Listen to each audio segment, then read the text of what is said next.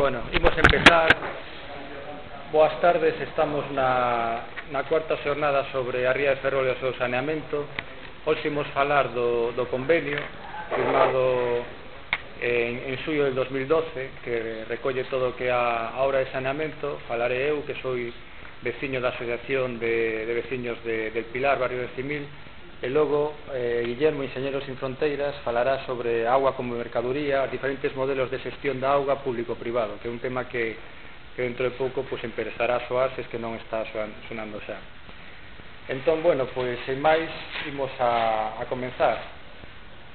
Sobre o convenio, bueno, eh, o convenio, en principio, eu vou facer unha lectura comentada, non de todo o convenio, obviamente, porque senón podemos estar aquí hasta, hasta as 10 da noite, Simplemente estuve lendo, eh, seleccionando algúns párrafos que, que eu penso que se deberían comentar. Eh, bueno, me encontré con legislación, claro, esto toca a lei de contrato do sector público, lei de subvencións, toca o PESON, toca la 3092, entonces é eh, un tema demasiado amplio e se empezas a tirar do fío, a verdade é que non acabas. Entonces intentaré en 25 minutos, que logo ten que hablar Guillermo máis ou menos, facer un resumo e logo sí falar a Guillermo e saberá unha, unha rolda de preguntas e aí sí que podes preguntar eu intentaré respostar porque si sí é certo que, bueno, é un tema que coñezo algo, pero hai cousas que recoñezo que, que se me escapa sobre todo no frente a lei de contrato do sector público Bueno, o convenio o firman eh, a Xunta de Galicia, Entidade Pública Empresarial Aguas de Galicia, os Concellos de Ferrol e Narón eh, e a Sociedade Estatal de Aguas de, la Cuenca, de las Cuencas del Norte. Aquí te, temos cinco axentes, son eh, dous administracións eh, locais que son o Concello de Narón Ferrol unha administración autonómica que é a Xunta de Galicia unha entidade pública empresarial que é Aguas de Galicia.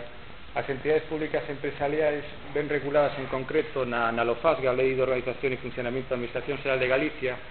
Fala entidades públicas instrumentais e outras entidades instrumentais a marxen do que é a administración. Entonces unha entidade pública empresarial como é Aguas de Galicia cataloga dentro do que é entidade pública empresarial eh, outra en, eh, perdón, como entidade pública instrumental da administración. E logo temos a Sociedade Estatal Aguas de la Cuenca del Norte. Bueno, aquí habería que ir o que a, a LOFAGE, que é a Lei de Organización e Funcionamento da Administración General del Estado, en nosa disposición adicional do, do décima, Sociedades Mercantis Estatais fala das sociedades mercantis estatal se resida íntegramente cualquiera que sea a súa forma xurídica polo ordenamento xurídico privado, salvo nas materias que les sexan de aplicación a normativa presupuestaria, contable patrimonial, de control financiero e contratación. Entonces, bueno, vemos una, un híbrido eh, neste convenio que é unha entidade pública empresarial que a veces se rise polo dereito privado e a veces se rise polo dereito público. Un convenio, según a Lei de Contrato do Sector Público, no artigo 4, un convenio está suxeito á Lei de Contrato do Sector Público. É dicir, así como os contratos da Administración se suxeitan a, rei, a la lei de contratos do sector público, as subvencións, a lei de subvencións, digamos que o convenio non ten unha legislación específica, senón que é o propio convenio o que vai regular a, o marco de funcionamento destas entidades. Entón vemos que o convenio suscrito o 12 de suyo del 2012 representantes de los, de los cinco de las cinco entidades a, eh, actuantes eh, primeiro fala de lo que é Aguas del Norte, hai una na, hai un, un intento de racionalización de lo que son las, las sociedades anónimas estatais. Entonces, estaba Aguas del Duero S.A.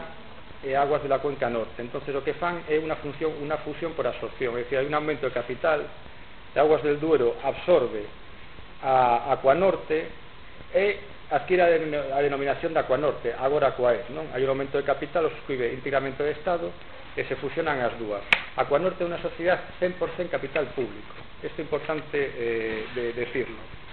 Logo fala do xeto social de, desta entidade de Acuanorte, agora Acuaes.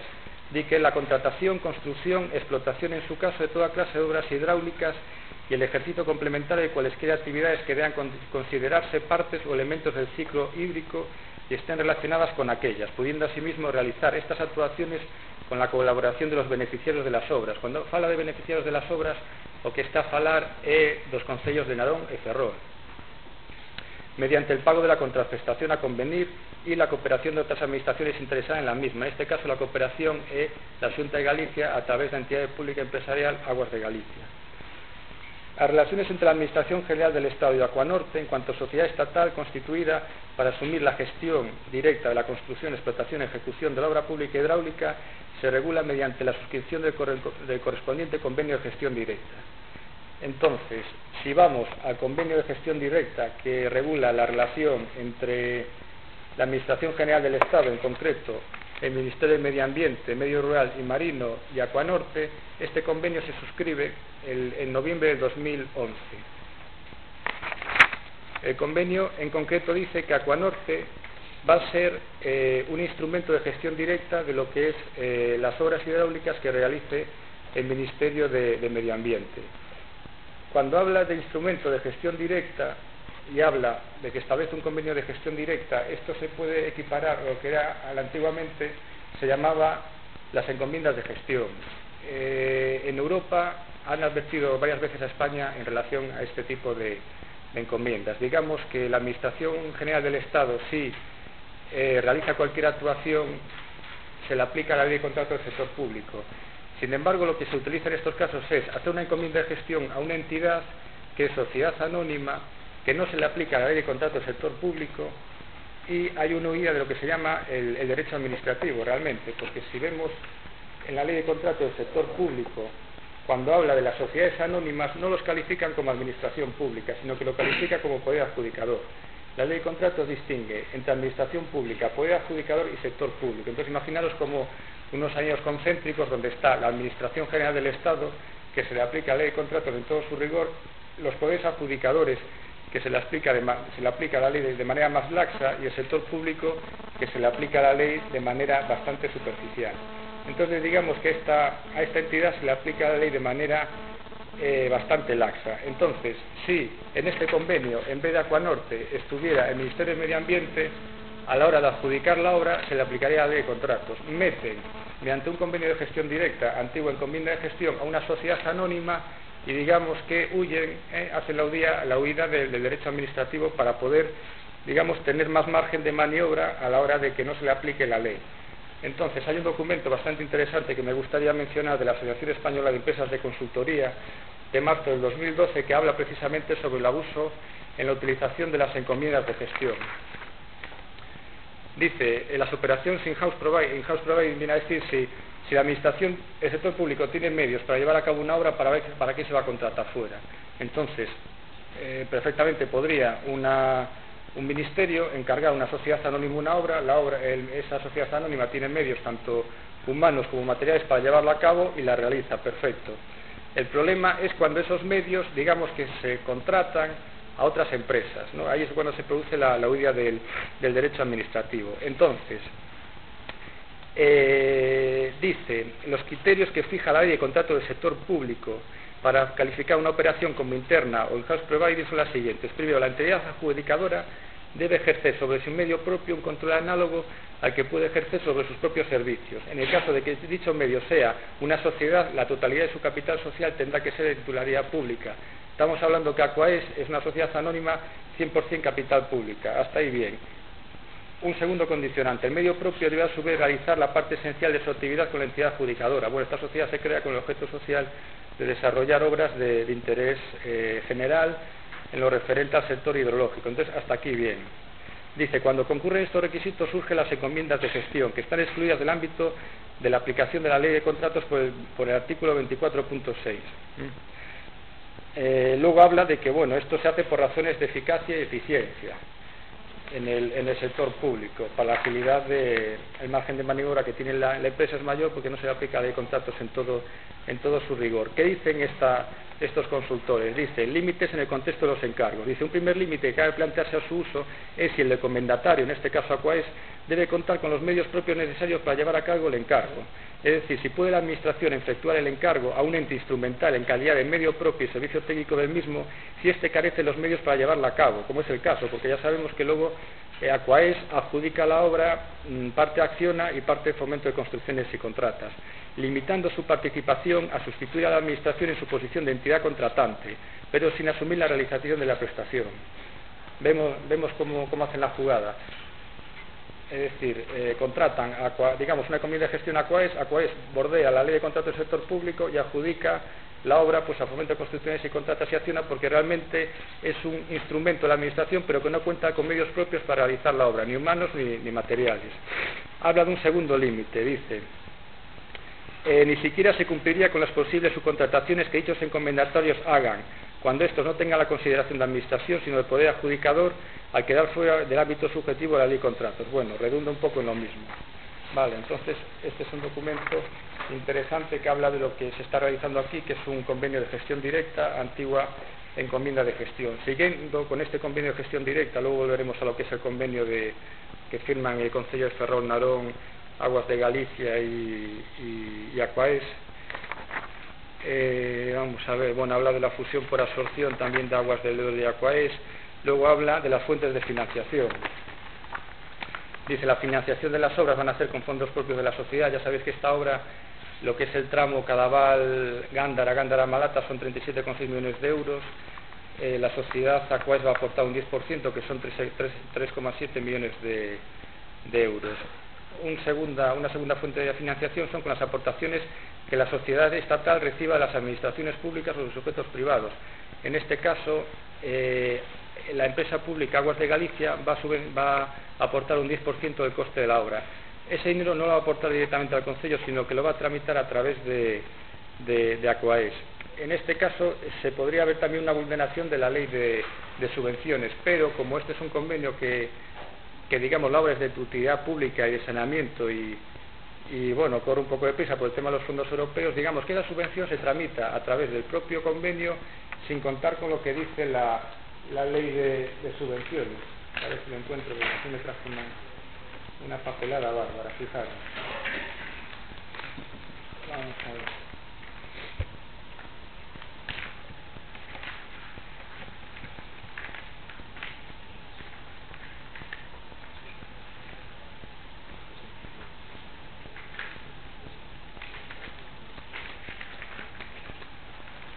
Vamos a ver, este es un documento que es de Teresa Moreo Marroy, licenciada en Derecho, jefa del Servicio de Control de Intervención General de la Comunidad Autónoma de Illas Baleares. Baleares. Es una revista que se llama Auditoría Pública, número 50, página 75-86. En concreto, cuando habla de, de la Ley General de Subvenciones, dice, eh, los derechos y obligaciones del órgano concedente y del beneficiario conforman el clausular del convenio de manera que adquiera la apariencia de negocio bilateral para satisfacer eh, necesidades compartidas. Dice, imaginemos un convenio entre dos administraciones o entre una administración en particular en el que la actuación de la administración que transfiere los fondos consiste exclusivamente en financiar una actividad que corresponde al sujeto receptor. Es decir, aquí Aguas de Galicia transfiere unos fondos al Concello pero a través de Aquaes. Bien. Dice, eh, habla de los principios de publicidad y concurrencia en cuanto a subvenciones, porque hay, que, hay, subvenciones a entidades públicas y subvenciones a entidades privadas. Entonces tendría que haber un principio de publicidad y concurrencia. En la selección, en este caso habla de un ayuntamiento beneficiario que podría ser el Consejo de Ferrol. Dice, la obligación por parte de este de destinar los fondos a la finalidad para que fueran otorgados el deber de justificar, de justificar, todos y cada uno de los gastos subvencionables bajo los criterios de elegibilidad determinados en las bases de las convocatorias en el tiempo y forma que se establece en el acto de concesión, así como la obligación de someterse a cuantas acciones de control ejerce la Administración concedente dentro del ámbito de normativa de aplicación. Sin duda, un consejo bastante estrecho para la gestión pública de los gobiernos. Entonces, bueno, pues bordeamos también la ley de, de subvenciones públicas y mediante el convenio concedemos el 10% de, la el coste de la obra, este dinero lo transferimos al Consejo a través de, de Aquaes. Entonces ya vemos dos leyes bordeadas, la ley de subvenciones y la ley de contrato de la administración pública. Seguimos con el convenio de gestión. Un, segundo, un tercer punto de subvención son con cargos a los fondos de la Unión Europea. La Unión Europea subvenciona el 80% del proyecto a través de fondos FEDE. Y otro punto de subvención de esta empresa, de, de fuentes de financiación es acudiendo a los mercados financieros a través de la concentración de las correspondientes operaciones de captación de recursos ajenos.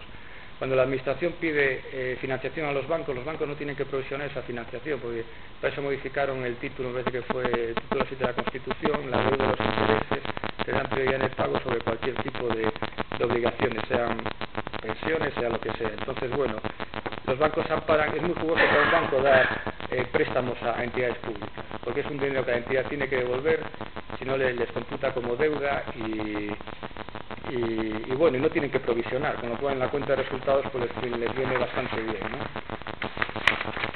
Seguimos con el convenio de, de gestión Vamos a ver, explotación de las infraestructuras, dice, aguas de la cuenca norte, poder realizar la explotación bien directamente, bien contratando con terceros la prestación de tal servicio o bien conviniendo con organismos, entidades o comunidades de usuarios la gestión de la explotación cuando su competencia o actividad está directamente relacionada con la naturaleza de la obra a explotar o con la explotación de la misma cumpliendo con lo dispuesto de la ley de contrato del sector público. Bien. Dice, ocupación del dominio público. Fijaros, como Aquaes no, no, es una administración, no tiene ciertas potestades que tiene la administración, como es la, potestad expropiatoria. Entonces dice, en ningún caso la actividad de, de, Aquanorte referida a la construcción o explotación de las obras hidráulicas supondrá la asunción por esta sociedad de competencias que impliquen el ejercicio de la autoridad pública. Por eso en el convenio se recoge que el Consejo ha de suministrar los, terrenos de la obra y y los parques públicos son jugosos, en el sentido que un parque público tienes que expropiar, los, los y ya está. Eh, entonces, bueno, si el, el Consejo no cede espacios públicos, obviamente tiene que expropiar porque esta sociedad no es quien para expropiar. Dice, la expropiación de los bienes y derechos necesarios para la ejecución de las obras encomendadas a Acuanorte y declaradas de interés general, como es la obra de saneamiento del margen norte de la ría, el margen sur, o de competencia de la Administración General del Estado, corresponde a esta de conformidad con la ley de expropiación forzosa quien la ejercerá a través del Ministerio de Medio Ambiente, Medio Rural y Marino, las confederaciones hidrográficas del Duero, del Miño-Sil y del Cantábrico. Fijaros, habla de la Confederación, Confederación Hidrográfica del Miño-Sil. Aquí, si os acordáis, la obra inicialmente, cuando se publica la, licitación a los 20 días de alegaciones, se publica en la, en la sede que tiene la Confederación Hidrográfica del Miño-Sil, tanto en Orense como en Coruña. Ahora pienso que la de Coruña no tiene. Entonces, Confederación Hidrográfica del Miño-Sil sí entendemos, por el, por el convenio que sería administración, porque tiene propiedad expropiatoria, con lo cual si en el convenio en vez de Aquaes figurara Miñosil sí se le aplicaría la ley de contratos del sector público, se podía entender, ¿no? Entonces, bueno, mejor crear la sociedad anónima y, y de la ley, por decirlo de alguna manera. Eh, dice, en caso de que las obras encomendadas a aguas del, de la Conca Norte, Acuanorte, ahora Acuaes y de competencia de la Administración Autonómica Local, la expropiación de los bienes y derechos necesarios para su ejecución corresponderá a la Administración correspondiente, de conformidad con la ley de expropiación forzosa. Obviamente, el Consejo de Ferrol, Administración Local, tiene capacidad de expropiación.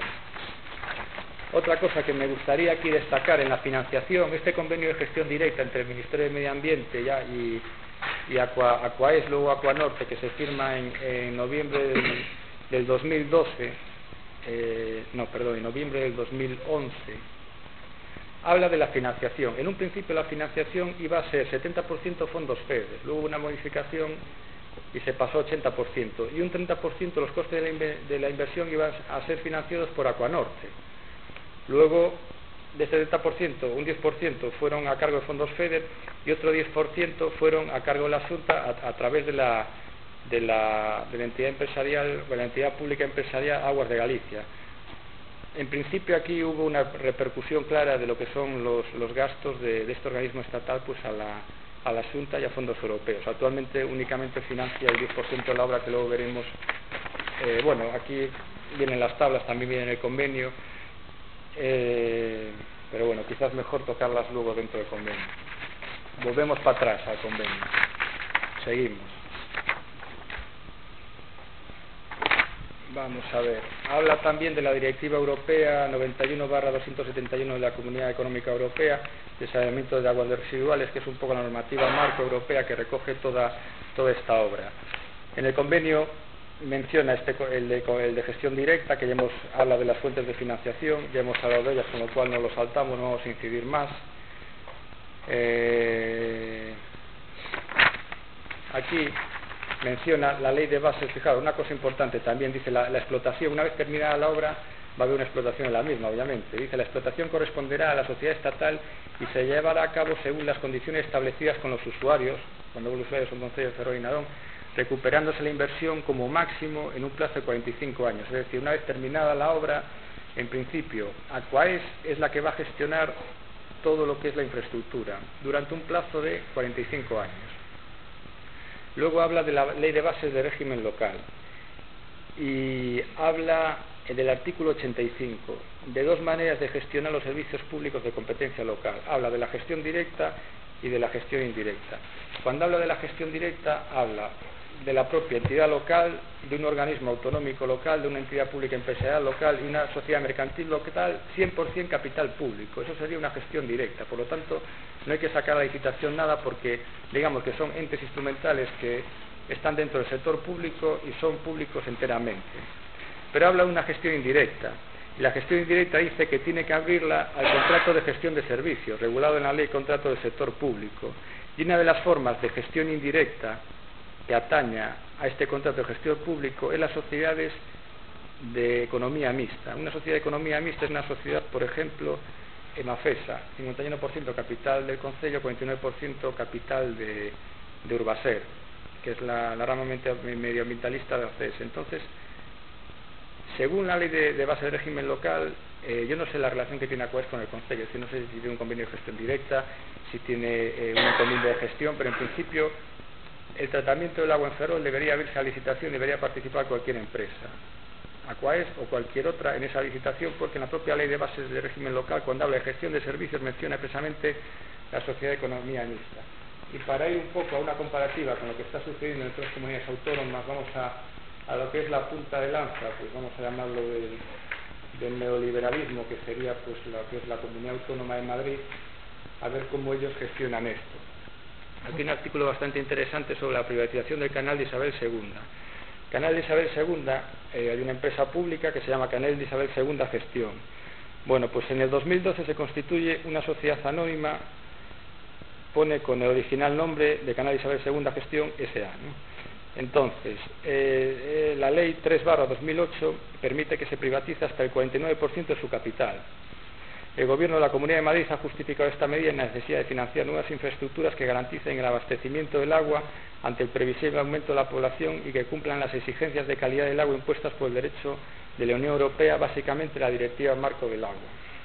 Aquí hace una, un poco, bueno, una valoración, el principal problema que plantea es la privatización de la gestión de servicios, bueno, esto me lo voy a saltar. Pero fijaros, habla, en la actualidad todo el canal de Isabel II eh, canal de Isabel Segunda Gestión está en manos públicas. Nos encontramos una forma de gestión directa, como bien regula el artículo 85 que vimos antes de la Ley de Base del Régimen Local. Gestión directa del servicio, que no tiene por qué abrirse, por tanto, iniciativa privada. La situación cambiaría profundamente cuando se lleve a cabo la privatización del 49% del capital de Isabel II Gestión, que pasará a convertirse en una sociedad de economía mixta, forma de gestión, eh, de gestión eh, indirecta del, servicio. Entonces tendría que haber un contrato de gestión de servicios públicos y participar en la licitación tanto el Cabral de Isabel II Gestión S.A. como cualquier otra sociedad que se presentara a la, a la licitación. Dice, porque así lo exige el derecho de la Unión Europea. La gestión indirecta de los servicios públicos ha de abrirse a la competencia, a la iniciativa privada. Así deberían realizarse concursos abiertos a cualquier empresa privada para adjudicar la gestión de los servicios públicos relacionados con el agua concursos que podría ganar Canal de Isabel Segunda Gestión, véase Mafesa, o aquella empresa que realice una oferta económica más ventajosa. De hecho, parece que el verdadero negocio no está en la adquisición de las acciones, sino en la gestión material del servicio, como puede pasar aquí con la gestión luego de todo lo que es la red de saneamiento. Seguramente porque aquí es donde se lleva el mayor margen de beneficio. Entonces, en el caso de Mafesa es que es un caso muy similar, 51% ¿eh? capital del Consejo, 49% capital de, de Urbaser, sociedad de economía mixta, ¿qué tipo de relación tiene Mafesa con el Consejo? Porque yo pienso que a licitación han sacado lo que es la, gestión del saneamiento. Si cogéis una factura del agua, tenemos a Emafesa, tenemos a Sogama, que es 51% capital de la Junta de Galicia, 49% de generación peninsular, SL, que es grupo, del grupo gas natural. Tenemos Urbaser, que es de ACS y la única realmente empresa pública es empresa pública, entidad pública empresarial Aguas de Galicia. El resto son sociedades privadas o son sociedades mixtas participadas por empresas privadas. Pero bueno, este es el modelo de gestión que, está establecido cuando en otros sitios se habla de, lo que es la...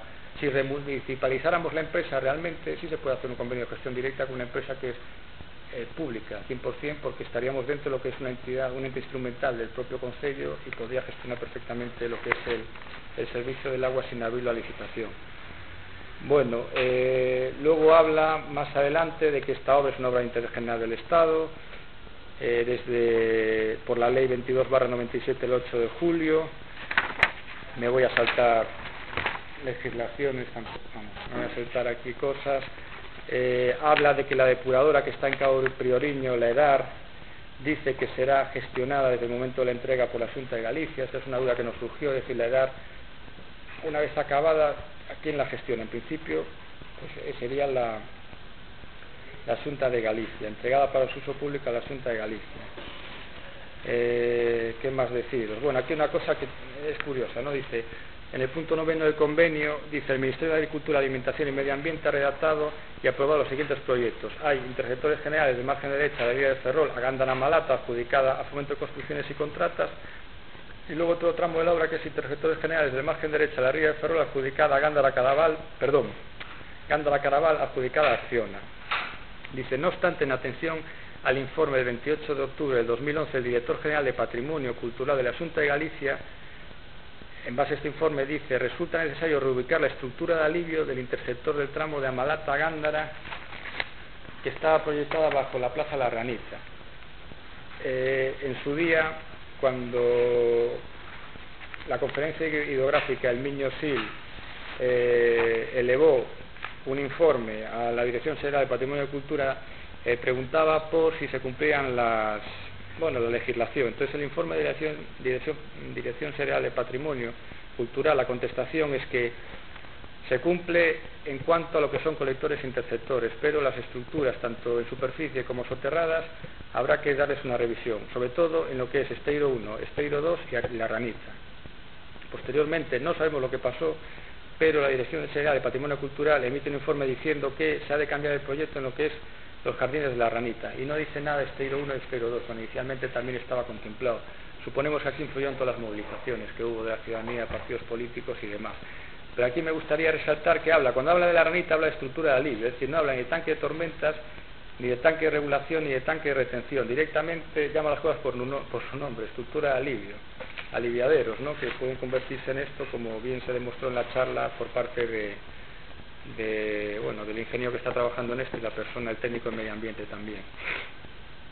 Eh, luego dice, eh, los proyectos aprobados cuentan con resolución del 10 de marzo del 2011 de la Dirección General de Calidad y Evaluación Ambiental por la que se acuerda no someter la actuación al texto refundido de la Ley de Impacto Ambiental de Proyectos aprobado por el Real Decreto Legislativo 1-2008 del 11 de enero al no, encontrarse en, al no encontrarse en el ámbito de aplicación de la norma. Es decir, excluye hacer una un estudio de impacto ambiental. Sin embargo, el proyecto, como bien vio este Alberto Boado, el vecino que está estudiando la, legislación, sí tiene el proyecto un estudio de impacto ambiental. Lo que pasa es que no es un estudio de impacto ambiental al uso, en el sentido que no abre un periodo de debate entre los diferentes agentes sociales ni tampoco plantea alternativas al, tanque, sino que simplemente plantea eh, medidas paliativas, como ahora estos días publicado en la prensa, que la, prensa hablaba de eh, reducir el tamaño en superficie de, de la caseta que va, que va en el parque, ¿no? 14 por 14, reducir un poco lo que es la altura, meter un manto vegetal de un metro, eh, mantener los dos parques, bueno, dos parques de juegos en el, en el Parque Pablo Iglesias, pero no es un estudio, eh, de, un estudio de impacto ambiental al uso. Eh, es importante porque mm, aquí también es clarificador otra cosa que aportó un vecino, que me aportó una documentación interesante, la diferencia de un estudio de impacto ambiental y una declaración de impacto ambiental. La declaración de impacto ambiental únicamente eh, certifica que se cumple con la legislación y un estudio de impacto ambiental más allá, porque abre un periodo de consulta con los diferentes agentes sociales. Y aquí este vecino me pasó una información sobre lo que era, eh, en, concreto, eh, los, campos, los campos electromagnéticos que generan las redes de alta tensión.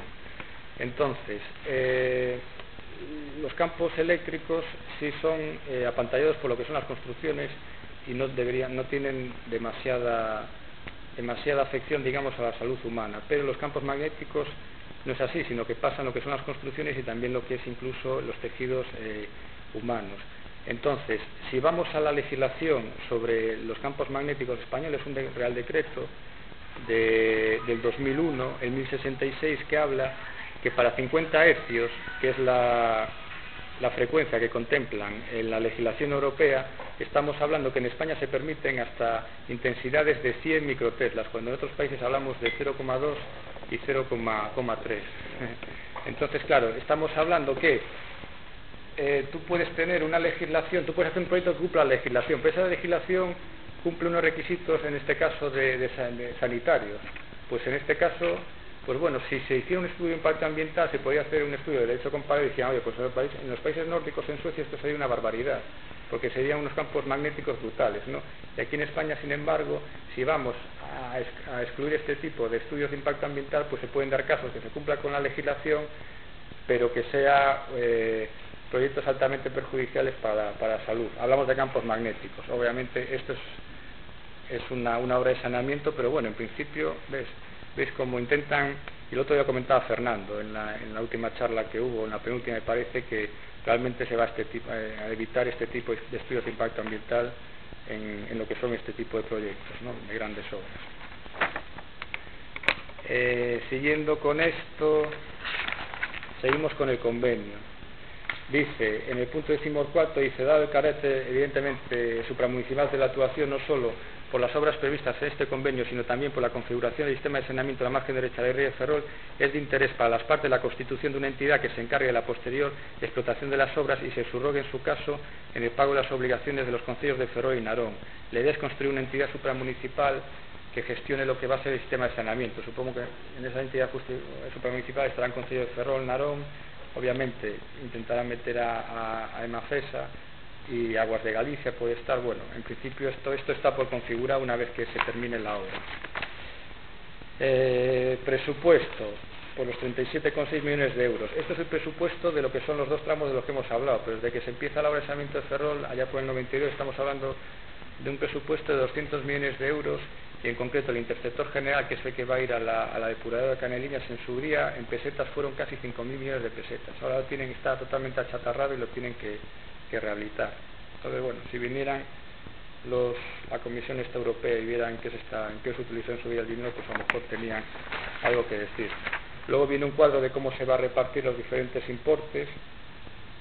De los 37 millones de euros, dice, las anteriores previsiones de la programación económica serán revisadas por Acuanorte durante el desarrollo de la actuación, dando conocimiento de los cambios en su caso a la comisión de seguimiento prevista en la, en la cláusula 9. La comisión de seguimiento está formada por siete miembros cuatro propuestos por Acuanorte, eh, uno del Consejo de Narón, otro del Consejo de Ferrol y otro de, Aguas de Galicia. Entonces, bueno, tienen mayoría eh, la gente de, de Acuanorte. El Consejo de Administración de Acuanorte hay que pensar que no son funcionarios, son gente que viene del mundo de la política y de, empresas privadas, ¿no? Pues bueno, tienen mayoría sobre esta comisión de seguimiento que puede modificar lo que son las cantidades. Dice, los compromisos de carácter económico se determinarán sobre la base del coste real de la actuación por todos los conceptos de conformidad con la causa cuarta, bueno, y serán eh, auditados por una auditoría independiente. Eh, obligaciones de Acuanorte, bueno, redactar los proyectos constitutivos, el pliego de cláusulas, prescripciones técnicas tanto generales como particulares, dice licitar y adjudicar los contratos, que este es un poco porque el motivo de por qué la metieron en el convenio, por lo que hablábamos antes, un poco para evitar que la ley de contratos eh, del sector público recayera con, con, toda la dureza que tiene que, que, recaer, como así lo ha dicho varias veces la Unión Europea, que España está bordeando esa ley en diferentes actuaciones de, de contratos. Y dice, explotar la infraestructura durante, al menos, durante al menos, aquí dice, antes decía como máximo, ahora dice durante al menos, el plazo establecido en la cláusula 9, que son los, en la cláusula 5, que son los 45 años de, de este convenio comprendiendo esta competencia tanto la contratación con terceros de todas las tareas de mantenimiento, conservación, operación y explotación con la dirección de las mismas. Todo ello sin perjuicio de que la obtención y titularidad de las autorizaciones de vertido corresponde a los concilios de Narón y Ferrol. Es decir, esta obra va a causar vertidos. En principio han dicho que van a ser de, de, de manera excepcional y, y, en circunstancias muy concretas, pero bueno, ya si asististe a otro día a la charla que dio eh, Amorín y Boado, pues bueno, van a ser bastante habituales en el sentido que estos tanques que van a hacer en épocas de, de, cuando no llueva se van a canalizar las fecales a lo que es la depuradora, pero en el momento que empieza a llover, como ellos bien dicen, les llaman en algunos casos estructuras de alivio, en otras tanques de retención o de, regulación, van a tener que aliviar directamente a la ría todo lo que es fecales y, y pluviales. En este caso puede haber sanciones de hasta 600.000 euros y la titularidad, la obtención para de, estos vertidos, pues va a tener que pedirle al Consejo de Ferrol Narón que se exponen a las correspondientes sanciones. Obviamente a no, no la van a sancionar. Luego dice obligaciones de la Junta de Galicia a través de Aguas de Galicia. Dice participar en la financiación de la, auto, de la autoactuación mediante una subvención que se otorga a través del presente documento a favor de Acuanor, que vamos a lo mismo. No se otorga siguiendo la ley de subvenciones, sino que se, con, a través del, del convenio se otorga al Concello, pero pasando por Acuanorte. Luego dice, obligaciones de los concellos de Ferrol y Narón, gestionar sus competencias. En el punto 2 dice, adaptar en su caso el planeamiento urbanístico municipal, presión con objeto de adecuar sus determinadas sus determinaciones a las instalaciones de la, infraestructura hidráulica objeto del convenio. El artículo eh, 198.3 del PESION menciona que las estructuras que vayan en los parques tienen que ser dedicadas a fines de ocio y cultura. Eso no se cumple en esta actuación eh, hidrológica que va a haber en, la, en, el margen norte de la ría de Ferrol y tampoco han modificado el PESION. Lo único que tienen que hacer es modificarlo. Es que no, no tienen que hacer otra cosa, pues no lo hacen. Entonces, bueno, en, en Andalucía fue objeto, en, pienso que en la organización Las Góndolas en Sevilla, de un recurso contencioso paralizado en el tanque, precisamente por incumplimiento del PESION. Eh, aquí, pues bueno, la verdad es que los vecinos todavía no, no hemos sido quien de, de plantearnos esta posibilidad, pero bueno, pues sí, sí en, otras, en otros sitios sí lo han conseguido. Pero sí es cierto que lo incumple y lo tienen que, adaptar la normativa municipal. Dice, poner a disposición de Acuanorte antes del inicio de las obras de forma gratuita los terrenos necesarios para su ejecución y que estén a su disposición por haberlos adquirido, obtenido u ocupado a cualquier título. Que mejor que los parques.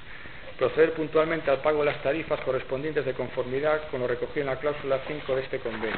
Luego lo veremos. Posteriormente habla de la financiación, que no voy a entrar, ya hemos hablado de ella. Luego habla del principio de indemnidad económico-financiera en este caso de, de Acuanorte. Yo no sé si, si, os suena eso del peaje a la sombra que hay en las autopistas, es decir, cuando se adjudica una obra, una concesión de obra pública a una empresa para realizar una autopista, en el pliego de cláusulas pone que eh, pues la, la, empresa recibirá un dinero, posteriormente se cobrará a través de los peajes pues parte también de, la obra y si eh, el número digamos de vehículos que no pasa, que pasa por la autopista pues es inferior al presupuestado, pues será la administración la que ponga ese dinero. Bueno, pues eso es el principio de identidad económica financiera que en este convenio se, se contempla para una sociedad anónima estatal que en principio no tiene interés de, de, de hacer un lucro de, en, esta obra. ¿no? Pues bueno, meten esta cláusula también para blindar bastante lo que es la actuación de, de Acuanorte. Luego habla de una garantía de impago. Dice, como garantía de cumplimiento de las obligaciones de pago fijadas en este convenio, las partes reconocen a Acuanorte la facultad de solicitar al Ministerio de Agricultura, Alimentación y Medio Ambiente que requiera al Ministerio de Hacienda y Administraciones Públicas a efectos de que éste proceda a la retención de créditos presupuestarios en concepto de la participación en los ingresos del Estado correspondiente a la Junta de Galicia en la cantidad necesaria para abono de sus aportaciones pendientes de pago. Es decir, hay una partida en los presupuestos autonómicos que es participación en los ingresos del Estado. Bueno, pues si eh, la, empresa, la entidad pública empresa de aguas de Galicia no cumple con su parte, que es el 10% de la obra, se puede a través del, del Ministerio de, Hacienda retener. Pero es que eso lo mismo lo hacen con, el Consejo de Ferrol. Es decir, la partida de participación de ingresos del Estado se puede también, actúa como aval si el Consejo de Ferrol no paga, de Ferrol no paga las tarifas que tiene que pagar, que luego veremos que tiene una parte fija y una parte variable. Entonces esto es realmente peligroso porque está de alguna manera hipotecando parte del presupuesto de, de un ayuntamiento que desgraciadamente pues no, no va a tener los ingresos dentro de, de cinco o seis años que tiene ahora. Dice, compromiso temporal de la financiación. Las partes intervinientes se comprometen a realizar los trámites necesarios para llevar a cabo las actividades previstas en la cláusula 1 durante el marco temporal de programación financiera del Fondo Europeo de Desarrollo Regional periodo 2007-2013. En consecuencia, la fecha final de elegibilidad de los fondos, perdón, de los gastos a financiar por el Fondo Europeo de Desarrollo eh, Regional será el 31 de diciembre de 2015. Elegibilidad, este palabra quiere decir que hay unos fondos europeos que están destinados, son finalistas destinados a esta obra y tenemos hasta el 31 de diciembre del 2015 para aplicarlos y terminar la obra. Por eso ahora entran las prisas cuando es una obra que viene del año 92 y, y se ha hecho ver, ¿no? Dice, explotación de la obra. Bueno, habla del periodo de 45 años que tiene ACOES para explotar la obra, y dice, si bien conviene con la Junta de Galicia, Aguas de Galicia y los Concilios de Ferrol Nalón que finalizadas las obras del objeto de la actuación se podrá acordar la encomienda a la entidad titular del sistema de depuración del margen derecha de la ría de Ferrol. Vemos lo mismo, encomienda de gestión, pero la encomienda de gestión tendrá que ser un ente instrumental público. Si nosotros hacemos una entidad supramunicipal donde hay organismos públicos y organismos, sociedades mixtas, como puede ser EMAFESA, no sé si se podrá establecer una, encomienda de gestión. En Madrid contemplan que no, que tendría que haber la, licitación o remunicipalizar EMAFESA y hacer un convenio con administraciones y entes instrumentales que sean 100% capital público. Tarifas. Dice, se entenderá por tarifa el importe abonado anualmente por los concilios de Ferrol y Narón a Acuanorte por el saneamiento de sus aguas residuales utilizando la infraestructura hidráulica objeto del presente convenio. Entonces habla de un componente fijo de la tarifa que tiene por objeto compensar los costes de inversión financiados con fondos propios de Acuanorte. Acuanorte realiza, financia el 10% de la obra, que son los, los 3,7 millones de euros, y aquí sumé, si encuentro la, tabla, sumé a lo largo desde el 2016 al 2060 el Consejo de Ferrol va a tener que abonar devolver esos 3,7 millones de euros, pero a una tasa de rendimiento del 4,5% anual. Entonces, estos 3,7 millones de euros se transforman, con IVA incluido, en 17 millones, algo más de 17 millones de euros. Una sociedad anónima estatal que en principio no, no debería tener ánimo de lucro. Eso es la parte fija de la, de la tarifa, pero hay una parte variable. La parte variable no la, no la presupuestan directamente porque va a depender del funcionamiento de, de todo lo que es el modelo de gestión que van a instaurar en, en Ferrol. Y dice, eh, su objeto es cubrir los gastos de funcionamiento, explotación y conservación de la infraestructura hidráulica y cualquier otro relacionado con, los anteriores, como cánones, impuestos y indemnizaciones en los que pudiera incurrir en su caso Acuanorte. Esto ya sí que ni contemplan, claro, pues tendrá que, en función del fallo de la depuradora, en función del fallo de, de sistema de bombeo que va en la cabana, en función de las intervenciones que tengan que hacer los propios tanques de tormenta. Dice, aprobación de las tarifas. Los importes de las tarifas serán aprobados anualmente por la Comisión de Seguimiento prevista en la cláusula 9. Es la que habla de esta Comisión de Seguimiento, que eran siete miembros, cuatro de la propia Sociedad Anónima Estatal. Con anterioridad al periodo, la aprobación de las tarifas será con anterioridad al periodo en el que se devenguen y de acuerdo con la información aportada por Acuanorte la cual deberá estar avalada por informes económicos auditados. Fijaros aquí eh, el peligro que puede entrañar. Aunque, ah, bien, informes económicos auditados, bueno. Eh, dice, en este caso, lo que le corresponde al Consejo de es hacer los documentos administrativos correspondientes para avalar esa evolución de las tarifas. Entonces tendrá que hacer un, RC, retención de crédito, y una D de aplicación y disposición. Entonces los documentos contables tiene que, que presentar a cuál diciendo, oye, este es el, con esto es con lo que os vamos a, pagar. Y dice, como garantía adicional, en caso de impago, las partes reconocen a Acuanorte la misma facultad que se contiene en el apartado de la cláusula 3. El apartado de la cláusula 3 era la participación en ingresos del, Estado. Eh, luego habla de la comisión de seguimiento. Dice, los acuerdos sobre aumentos del presupuesto del convenio, el convenio eran 3,7 millones de euros. Dice, en estos acuerdos que excedan de, de esta cantidad, deberán ser aprobados por unanimidad por la comisión de seguimiento. Bueno, aquí buscan la unanimidad, es decir, aunque la COES tenga mayoría, hay que buscar la, unanimidad de los siete sujetos intervinientes. Los otros tres serían del Consejo de Ferrol, Narón y, Aguas de Galicia. Pero no dice sobre el tema de las tarifas, la revisión de tarifas no dice que hay que buscar unanimidad. A lo mejor vale con una mayoría de, de, cuatro sobre tres y revisan las tarifas variables pues en función de lo que, lo que diga la propia empresa. Eso sí que en el convenio no viene recogido. Eh, luego habla, bueno, modificación sobre la vigencia, aquí no me voy a meter. Y, bueno, yo creo que con esto más o menos así es una visión bastante genérica del convenio y, tampoco me voy a enrollar más porque también vamos a dejar paso a Guillermo porque si no, bueno, pero esto da para mucho como podéis ver. Vale, pues nada, que hable aquí, compañero.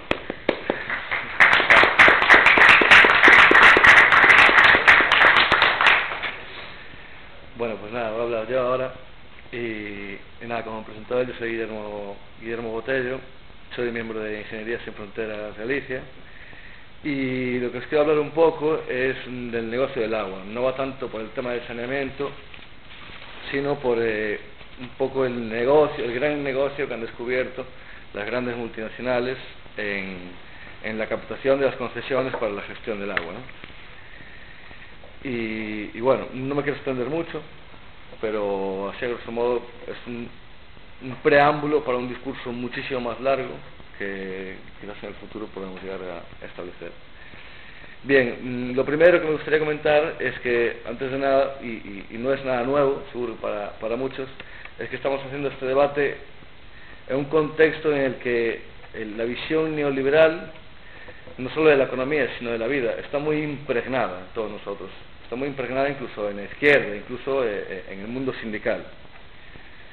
Es verdad que ahora, con la crisis eh, que estamos viviendo, nos vemos en la necesidad de volver a pensar, en la necesidad de, romper esquemas que teníamos completamente impregnados en los poros.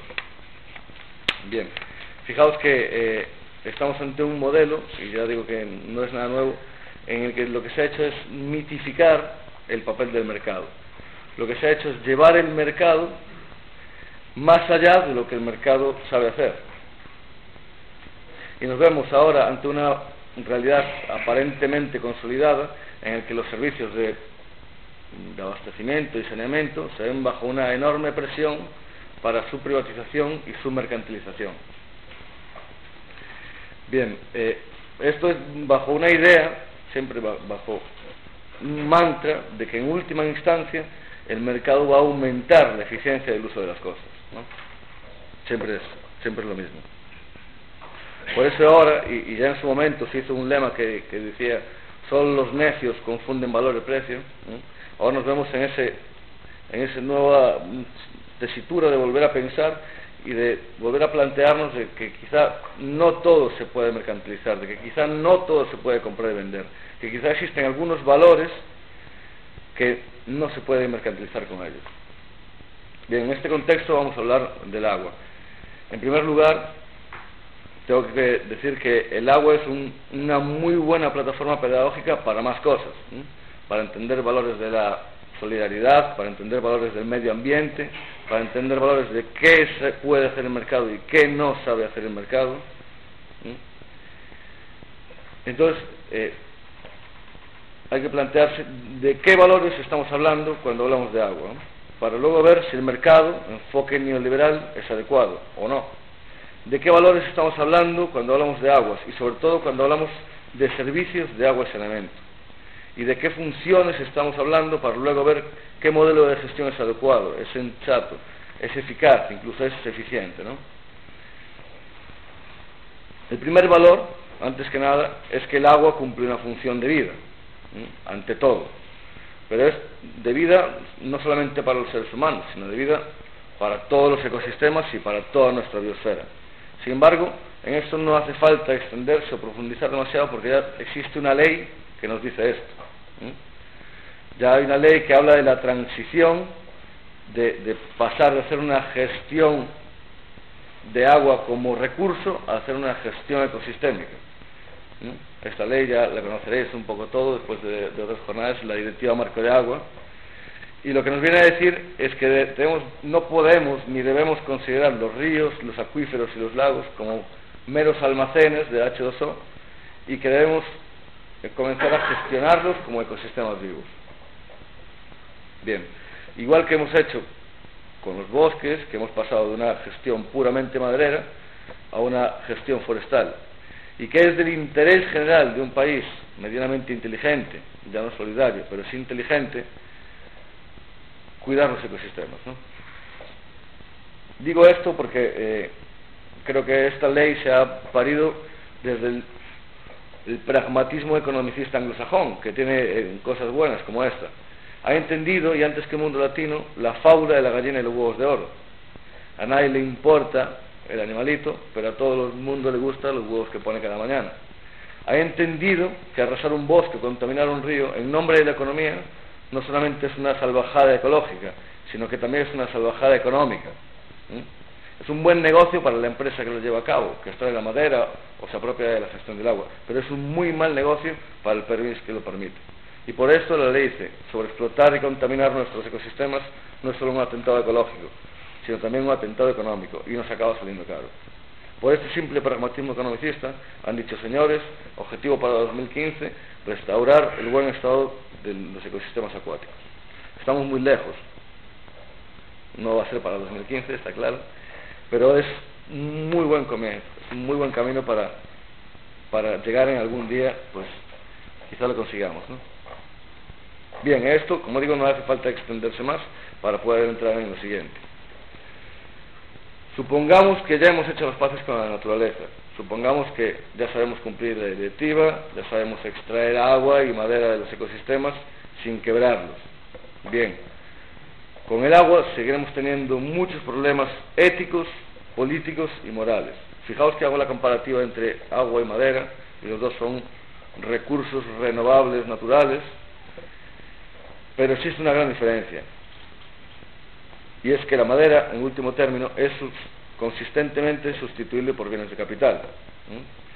Y que cuando sepamos qué árboles cortar y cuáles no, y le digamos a ti que eres leñador, pues eh, los cortes y se los vendas al industrial maderero y el industrial maderero al, al carpintero y el carpintero nos vende los muebles. Y no estamos inquietos, habrá que regular el mercado. Pero en general no nos parece inconsistente con nuestra ética. Cuando hablamos de agua tenemos que darnos cuenta de que en sus valores y en sus utilidades desborda por mucho el ser consistentemente sustituible por bienes de capital. No es consistentemente sustituible por bienes de capital. Y es que lo importante del agua no es su materialidad H2O, sino es el para qué.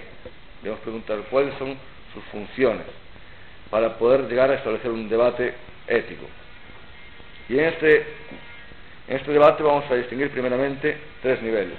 En primer lugar, el agua vida, vinculado al ámbito de los derechos humanos.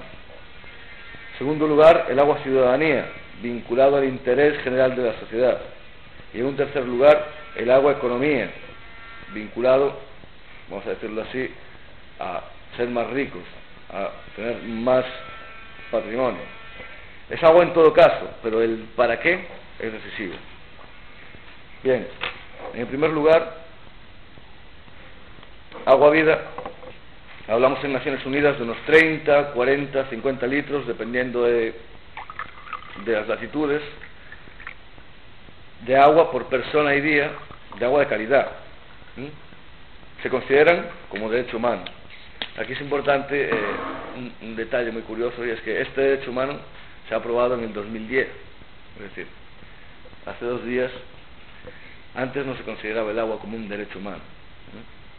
Incluso ahora se puede ver, ahí, creo que recientemente el, presidente de Nestlé dijo unas afirmaciones en público diciendo que, era una barbaridad considerar el, agua un derecho humano. A mí no se me ocurre después del aire, creo que no hay nada más básico para la vida que, que tener agua potable. ¿no? Bueno, pues si 30, 40, 50 litros de agua potable se considera un derecho humano, los derechos humanos ni se compran ni se venden. No se pueden satisfacer eficientemente. Los derechos humanos se garantizan.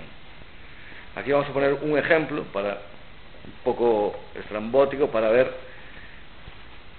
cómo se puede abordar este tema de, la eficiencia o si debe ser eficacia, cómo se debe ver esa dualidad. Bien, supongamos que que si queremos analizar desde el punto de vista economicista la seguridad ciudadana, el derecho de no ser asaltados o violados por la calle. Y enseguida, desde el punto de vista de la economía, se puede llegar a las primeras, segundas derivadas, el punto óptimo, y un buen día nos dirán, señores, en el punto óptimo de la seguridad ciudadana ustedes serán violados o asaltados una vez cada tres años, porque es en ese punto óptimo de la eficiencia y la seguridad ciudadana donde sale más barato donde el kilo de dignidad sale más barato. Y obviamente a todos imagino que esto nos parece una tontería, ¿no? y es que no se trata de eficiencia cuando hablamos de derechos humanos, se trata de eficacia. Y por esto, cuando hablamos de los derechos, no es el espacio de la eficiencia económica. Claro que costará un dinero el, el que debamos aportar en prioridad política. Pero por eso no es adecuado el mercado. De esto no solamente, fijaos, no solamente no entiende el mercado, sino que no entiende la ciencia económica, que no tiene por qué ser de mercado. Todo esto es un reto, no es un reto financiero, esto nos lo hacen creer todos los días. Esto no es un reto financiero, sobre todo en crisis, es un reto político, es un reto de prioridades políticas. Antes eso que asfaltar las calles, antes eso que poner farolas, antes eso que autopistas y por supuesto antes eso que los presupuestos militares para matar a no se sabe qué. Bien, agua ciudadanía. nosotros no gastamos 30 litros, creo que gastamos algo más de 30 litros por persona de día, 120, 140, abrimos, nos duchamos todos los días, tiramos de la cadena cuanto queremos, bien, ¿cómo le llamamos a esto? Probablemente no se le pueda llamar el derecho humano a las vajillas, pero sí debe ser de acceso universal. La ciudad de Ferrol sería una ciudad indigna si en los barrios pobres no tuvieran agua y saneamiento en casa, ¿sí o no?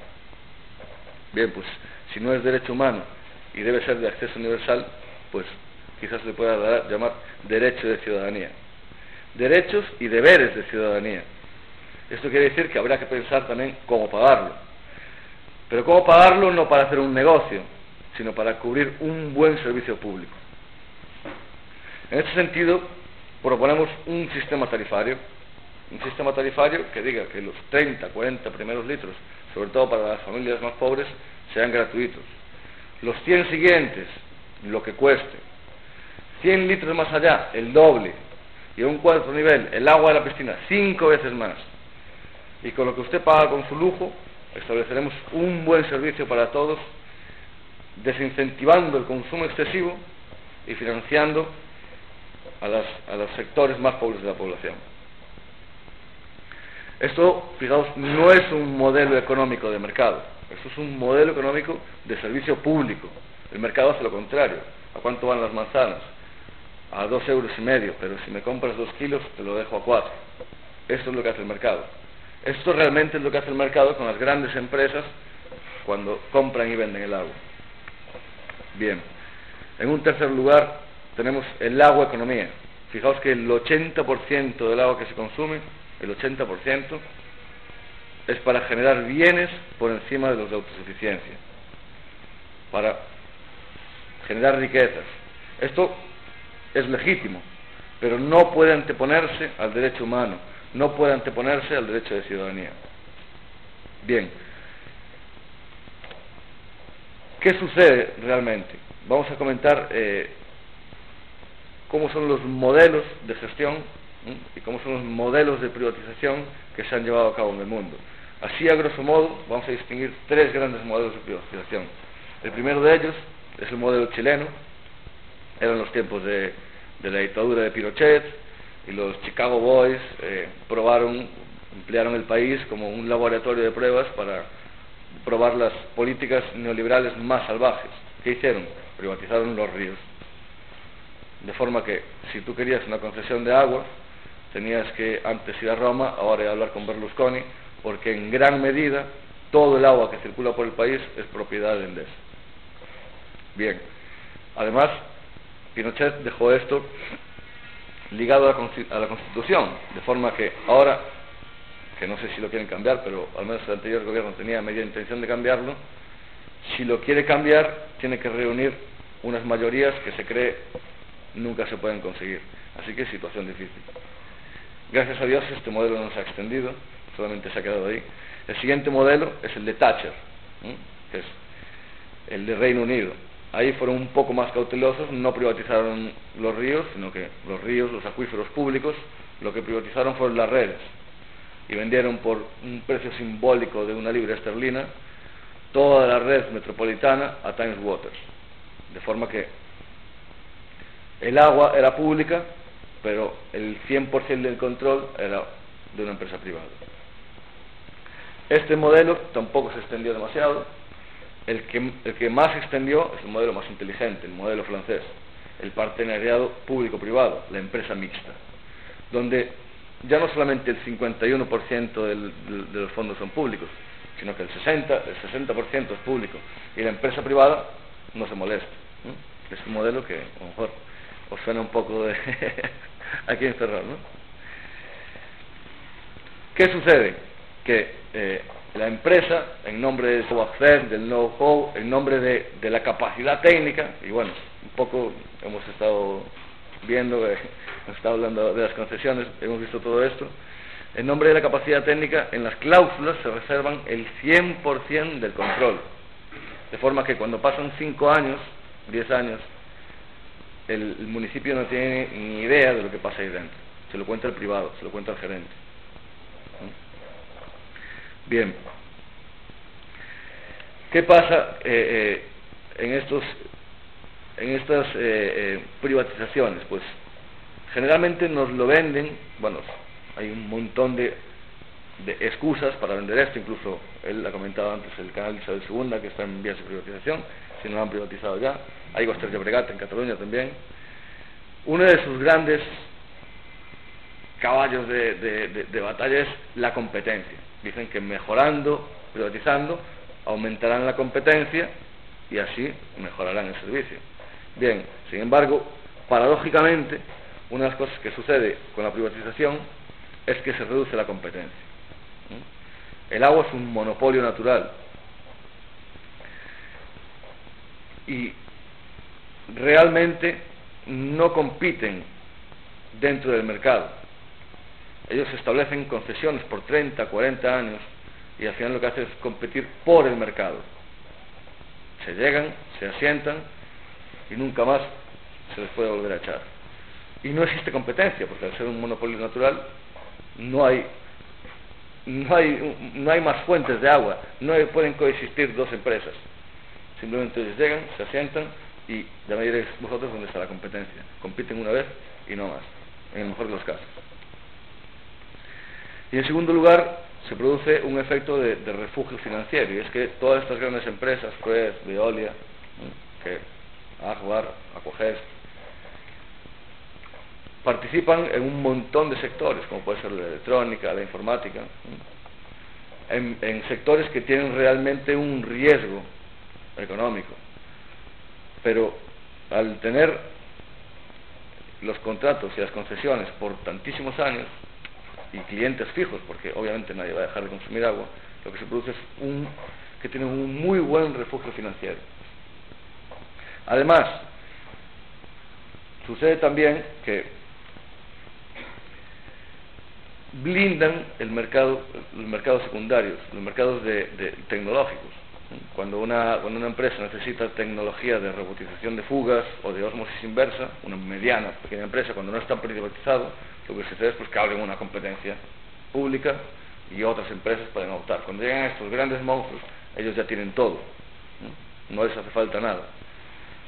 Fijaos que esto es muy importante y se sabe muy poco de esto, pero realmente aquí es donde se produce el mayor valor añadido del agua. El precio del agua realmente no está en la distribución, en llevarla a las casas. El mayor valor añadido se produce en estas en estas tecnologías secundarias que hacen falta.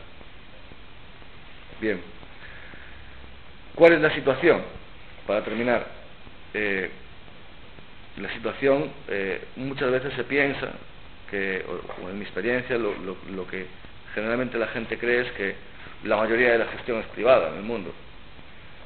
Y realmente esto no es cierto. El 90% de la gestión en, privada, eh, en el mundo es pública, el 90%, solamente un 10% es privada. En Europa, el 80% es pública, un 20% privada. En este país, lo contrario, 80% privado, 20% público. En Galicia, más o menos lo mismo. ¿Qué está sucediendo en Europa y en el mundo? Que desde hace unos 30, aproximadamente 30, 35 años que empezó el gran boom de las privatizaciones, años después, 15, 20 años después, han tenido que volver atrás, han tenido que echar a todas estas empresas porque realmente las concesiones que proponían eran completamente insostenibles en el tiempo. En Europa, en Grenoble, ciudades, creo que la última cifra que vi el otro día, unas, cerca de unas 40 ciudades han remunicipalizado el servicio, han echado a la empresa privada y han vuelto a la gestión municipal, incluido París. Una gran ciudad como París ha echado, ha echado a Suez y han vuelto a la gestión municipal porque era completamente insostenible. Bien, en este país, como siempre, sucede lo contrario. De un tiempo a esta parte se está privatizando. la mayor empresa de agua y una de las mayores empresas públicas, que era el canal de Isabel II en Madrid, está en vías de privatización. Como digo también, hay Western Llobregat, que es toda la empresa, o sea, la empresa que gestionaba agua en alta a Barcelona y a, y a media Cataluña prácticamente, una empresa gigantesca también, está en vías de privatización. Uno cabe preguntarse, ¿qué sentido tiene? ya no solamente es plantear la remunicipalización, sino que estamos en el proceso contrario, estamos en el proceso de la República Bananera, estamos en el proceso de, de, que estaban hace 30 años en Honduras y en Latinoamérica, en el proceso de privatizar los servicios de agua y saneamiento. Ya, como os digo, esto es un, simplemente un preludio a un discurso muchísimo más largo, pero para que os llevéis una idea, también, eh, porque una de las principales respuestas que se da a esto, bueno, es que el sistema público también tampoco funciona, ¿no? El sistema público, pues también es muy corrupto, y lo ha sido durante muchos años, hay muchos problemas. Bien, nadie plantea nunca pasar de un modelo privado a un público tradicional. Ya con la última frase, realmente lo que estamos planteando, y me gustaría que fuera el debate en los siguientes, en el tiempo que, que, nos queda en adelante, es que debemos tratar de establecer un debate para unos modelos públicos con control y participación social.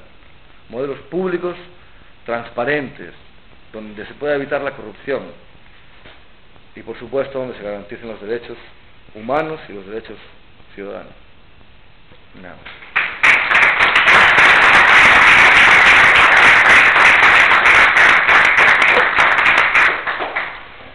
Bueno, abrimos ronda de preguntas, comentarios. Como, como sigamos haciendo esto, podrá llegar un momento que se comen lo que quieran. Por el aire, por el aire, nos van a cobrar por el aire. Sí, sí. Pues no, yo. Como dijo uno una vez, respirar es un lujo transitorio.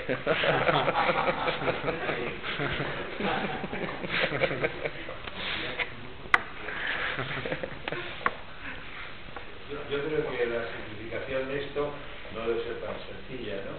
Pero a mí se me ocurre que, que tanto en plan legislativo como técnico, explica muy bien, muy claro, es que mm, eh, no se diferencia las intervenciones públicas y privadas por fases. Es decir, en, la época, en el momento de la construcción está claro que el capital casi todo es, explicabas tú, un 10% aporta la, la empresa que actúa, que es una gestora, que se ocupa luego a su vez, como has explicado, de encargar a una empresa constructora.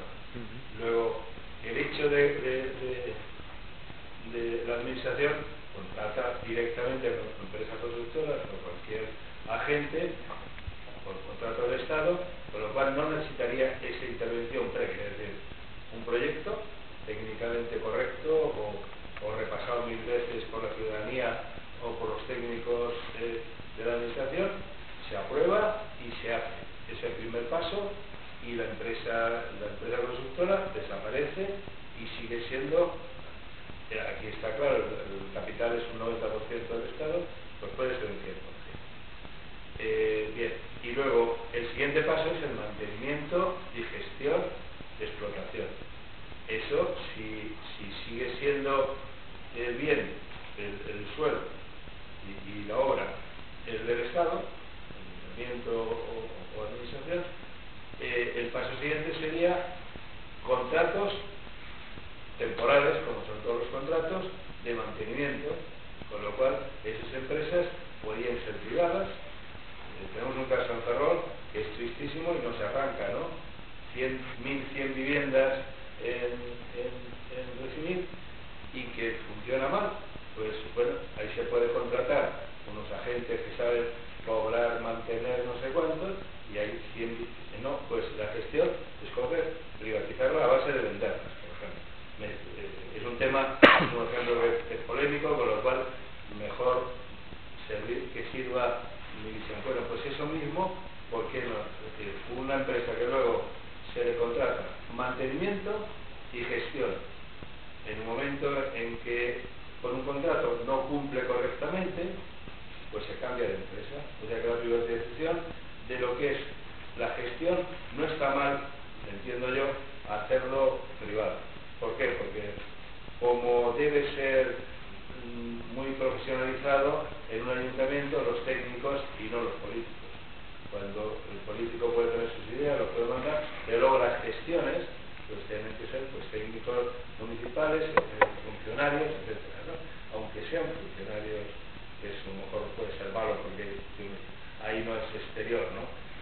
pagásemos a, a un técnico exterior que nos resolviese las cosas que en último término se están haciendo. Estamos pagando ahora mismo un- unos dineros que, hombre, un proyecto de la Plaza España lo puede hacer mejor que lo que es un técnico municipal, y en cambio están encargando a no sé qué y así resulta. Es decir, mm, sin desviarme mucho, ¿por qué no podía ser así? Esto que yo lo simplifico y entiendo que cualquier simplificación, pues mm, lógicamente mm, tiene que tener un error por mi parte, ¿no? Sí. Eh, el problema, cuando dijiste, justamente al empezar, cuando dijiste en la ejecución, o sea, los fondos son públicos, realmente. O sea, el privado, que es una, una grandes mentiras, el privado no pone un duro nunca. No ponen un duro. Y si lo ponen, es de préstamo, es de crédito. No tienen un duro para poner nada. El dinero siempre es público. Todos los miles de millones son públicos. ¿Por qué no ejecuta el Estado? Por, la falta técnica. El problema es la capacidad técnica. Siempre es el problema. Nunca nadie se ha preocupado en generar o en crear empresas públicas con una capacidad técnica, por, por ejemplo, para hacer una autopista o para gestionar el agua de una gran ciudad. No, aunque si quisiera, no la hay. No la hay. No hay una empresa pública. ¿Quién gestiona? ¿Quién, ejecuta? Perdón. No hay capacidad técnica pública para llevar a cabo las obras. ¿Vale? ¿Por qué no se hace el mantenimiento público? El mantenimiento, la explotación. Porque las empresas privadas se lo quedan para ellos. Es decir, yo hago la autopista, pero me quedo yo cobrando en la autopista. porque, porque son tontos. Y no sé si te, si, si te respondo. La verdad es que no me debería explicar.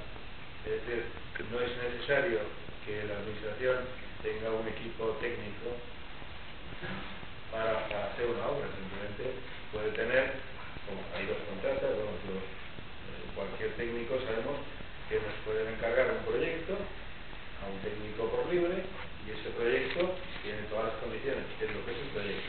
Luego la ejecución se paga a una empresa técnicos como empresarios, son particulares. Y no tienen ningún compromiso más que la administración que pagarle sus honorarios o a la empresa su obra. Eso es, eso es, eso es Sí, sí. tan corriente tal.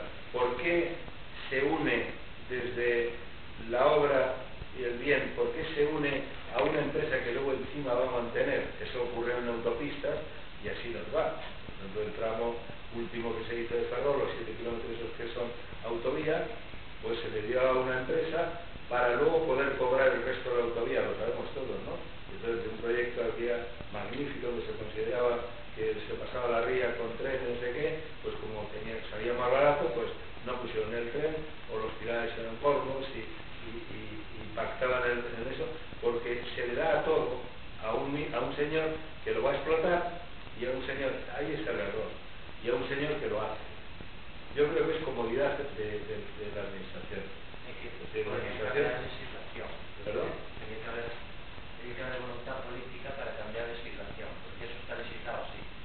Entonces, por eso hay concesiones, no sé si es usted. Eh, no en todo, no en todo. no, no en todo está legislado así. No, no- yo por eso es un tema que no conozco. Es que él, él hablaba antes, el, el, el- la legislación de contratos, que no- ¿cómo se llama? El, el- Sí, la ley de contratos. la ley de público. contratos es para... Sí, la ley de contratos. no hay por dónde, coger- no hay por dónde Es cogerlo. una La ley- ley de contratos externa en general la conocemos mucha gente. eh, lo que yo no conozco exactamente, en este caso el agua, por qué ocurre eso. Y cuando me habéis eh, el por qué, y sobre todo por qué, como bien apuntas, por qué el Estado no se queda al menos para ese control, pues más de un 50%. que es lo que Es política. apuntaba, o, eh, Eso es, eso es, eso es política, es, política. Mira, te cuento el caso. Eh, en Aigües ter Llobregat, en Cataluña, la, la empresa tenía una deuda de unos 700 millones de euros. Una empresa de estas, de estas dimensiones no es ninguna barbaridad. La tenían simplemente porque determinado político no quiso subir las tarifas como tenían que hacer para hacer unas obras que, que decía la dirección de mercado de agua. Tenía que hacer las obras y la empresa pública tenía que poner dinero, bueno, pues acumular una deuda de 700 millones. Que no es nada, simplemente es con unos céntimos en la tarifa, se cubre en un año o dos años, ¿no? Bien, esa deuda al gobierno siguiente, al gobierno actual, le sirve de excusa para privatizar, para venderla a una compañía privada. Dicen, no, no, la vendemos porque tiene una deuda muy grande y no la podemos pagar. La venden la venden, la venden, no, no, primero, la venden y, y- en, en el proceso de la venta, de la venta, la Generalitat se queda, asume 400, la- un- 400 millones de parte de la deuda. Es decir, que en, el, en, en esa, en, en esa operación, la Generalitat lo único que ha hecho es, es asumir una deuda de 400 millones y quedarse sin una empresa con, con la que lo puede sufragar. Es decir, simplemente lo que ha hecho es comprar deuda. ¿Por qué lo hacen? Porque lo van a hacer. ¿Por, qué? Dime tú, pues que no lo sé yo, porque lo hacen. Porque tenemos unos políticos de mierda, y perdón con la palabra, porque sí, por intereses, porque al final ese político resulta que es el, el de la ejecutiva de la empresa, tal. Y es más, dos días antes de venderla, los mismos políticos que no quisieron subir un poquito por miedo a las elecciones, suben un 60% las tarifas. Una barbaridad. De forma que la empresa pu- privada llega y dice, no, no, tan altas no hacen falta, hombre, y las baja a un 30%. Incluso aún se ponen la medalla y no, nosotros, nosotros bajamos las tarifas. ¿Por qué? Por- pues, porque, es una, porque es un cúmulo de despropósitos la política de este país. Y resumiendo, les dieron el 30%. ¿Eh? Les dieron el 30% de la tarifa. Subieron como un 50-60% justo antes de, de- de- de privatizar. Y después Dix lo bajaron. Y pues claro, la empresa pri- pública, la empresa privada se puede poner la medalla de, de- de- de bajarlo. Pero terminaron por cobrar suscrito el 30%. Sí, sí, sí. Sí, claro, al final te quedas con un 30% por encima. Y por encima la Constitución dice que te van a subir progresivamente un tanto por ciento hasta tal. Entonces en Barcelona, si ves las facturas de agua, te echas manos a la cabeza. Cada año va subiendo, va subiendo, va subiendo y terminamos. O sea, dijiste que no era sostenible ¿no? Eh, la privatización de empresas de agua y Mm. comentabas, pero no argumentaste un poco por qué Sí. Como siempre, aquí es una perspectiva mucho muy moderada. No es sostenible esto, eh, sobre todo donde empezaron y donde lo que, lo que emplearon como laboratorio de pruebas fue Latinoamérica. Aquí grandes ciudades, todas las grandes ciudades de Latinoamérica, fue el servicio de agua fue privatizado y sigue privatizado en gran medida. Un caso concreto, por ejemplo, en Buenos Aires, esto eh, muy propiciado por el Banco Mundial, los grandes financiadores internacionales, ¿eh? Conceden eh, crédito a los países. Pues, por ejemplo, Argentina, viene el Banco Mundial te dice, bueno, pues te concede un crédito, pero a cambio, ya sea Fondo Monetario Internacional, Banco Mundial, Organización Mundial de Comercio, ¿vale? A cambio, privatiza el servicio. A cambio, privatiza el servicio de agua. Así directamente.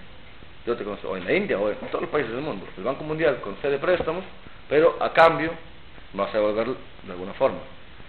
¿Vale? Entonces, claro, entonces, el Banco Mundial le, le le hace el préstamo, por ejemplo, a Suez, Suez Environment, ¿vale? Una de las grandes multinacionales de agua. Pero a cambio privatizáis el servicio y le otorgáis la concesión por 50 años. ¿Mm? Y el país dice, pues, pues si no, si no hacemos esto, de ninguna otra forma vamos a tener crédito. Entonces acceden.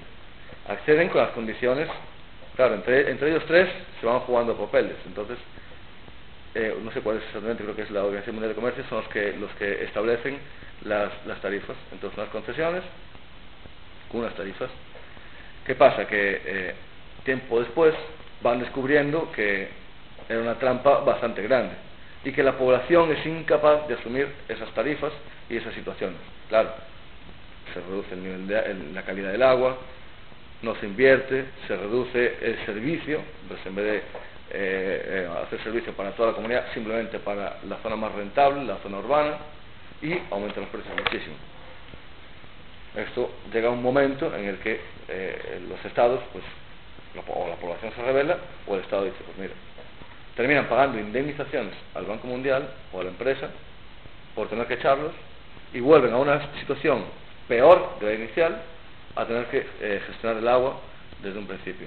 Esto ha pasado en Bolivia en 2000, 2002, hubo una guerra, la guerra del agua, la guerra de Cochabamba. No sé si alguna vez escuchasteis eh, hablar de esto, realmente el, pueblo o sea, se sublevó. Realmente eh, la, la concesión decía que, que el agua, todo el agua que circulaba por el país era propiedad de la empresa. Entonces, cuando, allí donde hubiera un pozo, fueron y le pasaron un candado. Y si tú ah, quitabas el candado, cometías un delito. Esa agua no es es propiedad. Si la querías usar, tenías que pagarla. Y los precios rondaban el 50-60% del salario de cualquier familia. Imposible pagarlo. Entonces, llega un momento que el pueblo se subleva, hay una guerra y echan esa empresa. Ha sucedido a muchísimas ciudades y, claro, ahora está comenzando a suceder en Europa también. En París, una red gigantesca, pues han llegado a la conclusión de que, mira, que os den. Pero yo este planteamiento que haces lo veo más como un tema de corrupción que un tema de privado público, o sea, lo que estás planteando. ¿no? No sé, me parece. ¿no? Es una corrupción, sí, es una corrupción internacional, es una corrupción que se, que se gesta en los lobbies del Europarlamento, es una corrupción que, que son los grandes financiadores mundiales, es el Banco Mundial, y grandes empresas, grandes empresas, pero, pero gigantescas, multinacionales. Hablamos de empresas del tamaño de Coca-Cola, de Nestlé. ¿Vale? Es corrupción a, a unos niveles, a muy altas esferas. Luego, por ejemplo, Sí, cuando, claro, no sé, comentaste, no sé si te entendí bien, ¿no? Lo de mm, por qué la administración no tiene una capacidad técnica para ejecutar obras y todo esto, ¿no? A mí se me viene a la cabeza lo que era el INI, el Instituto Nacional de Industria.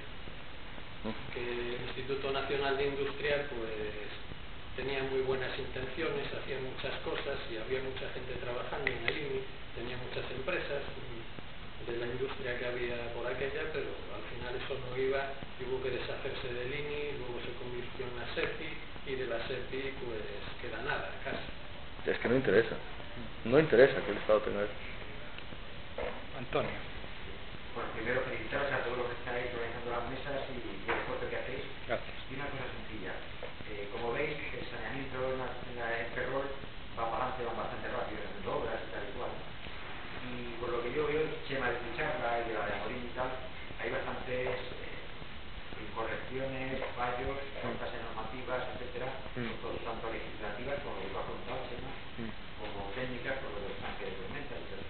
Mm. Entonces, pues yo no sé si ya está contemplado ¿no? o al final de la pasar, pero como esto va sucediendo bastante rápido, Mm. la posibilidad de, de entregar por registro al tanto al Consejo, a un agua de David y tal, pues una especie de, de, de Sí. dossier de todas las correcciones que se están haciendo, ¿no?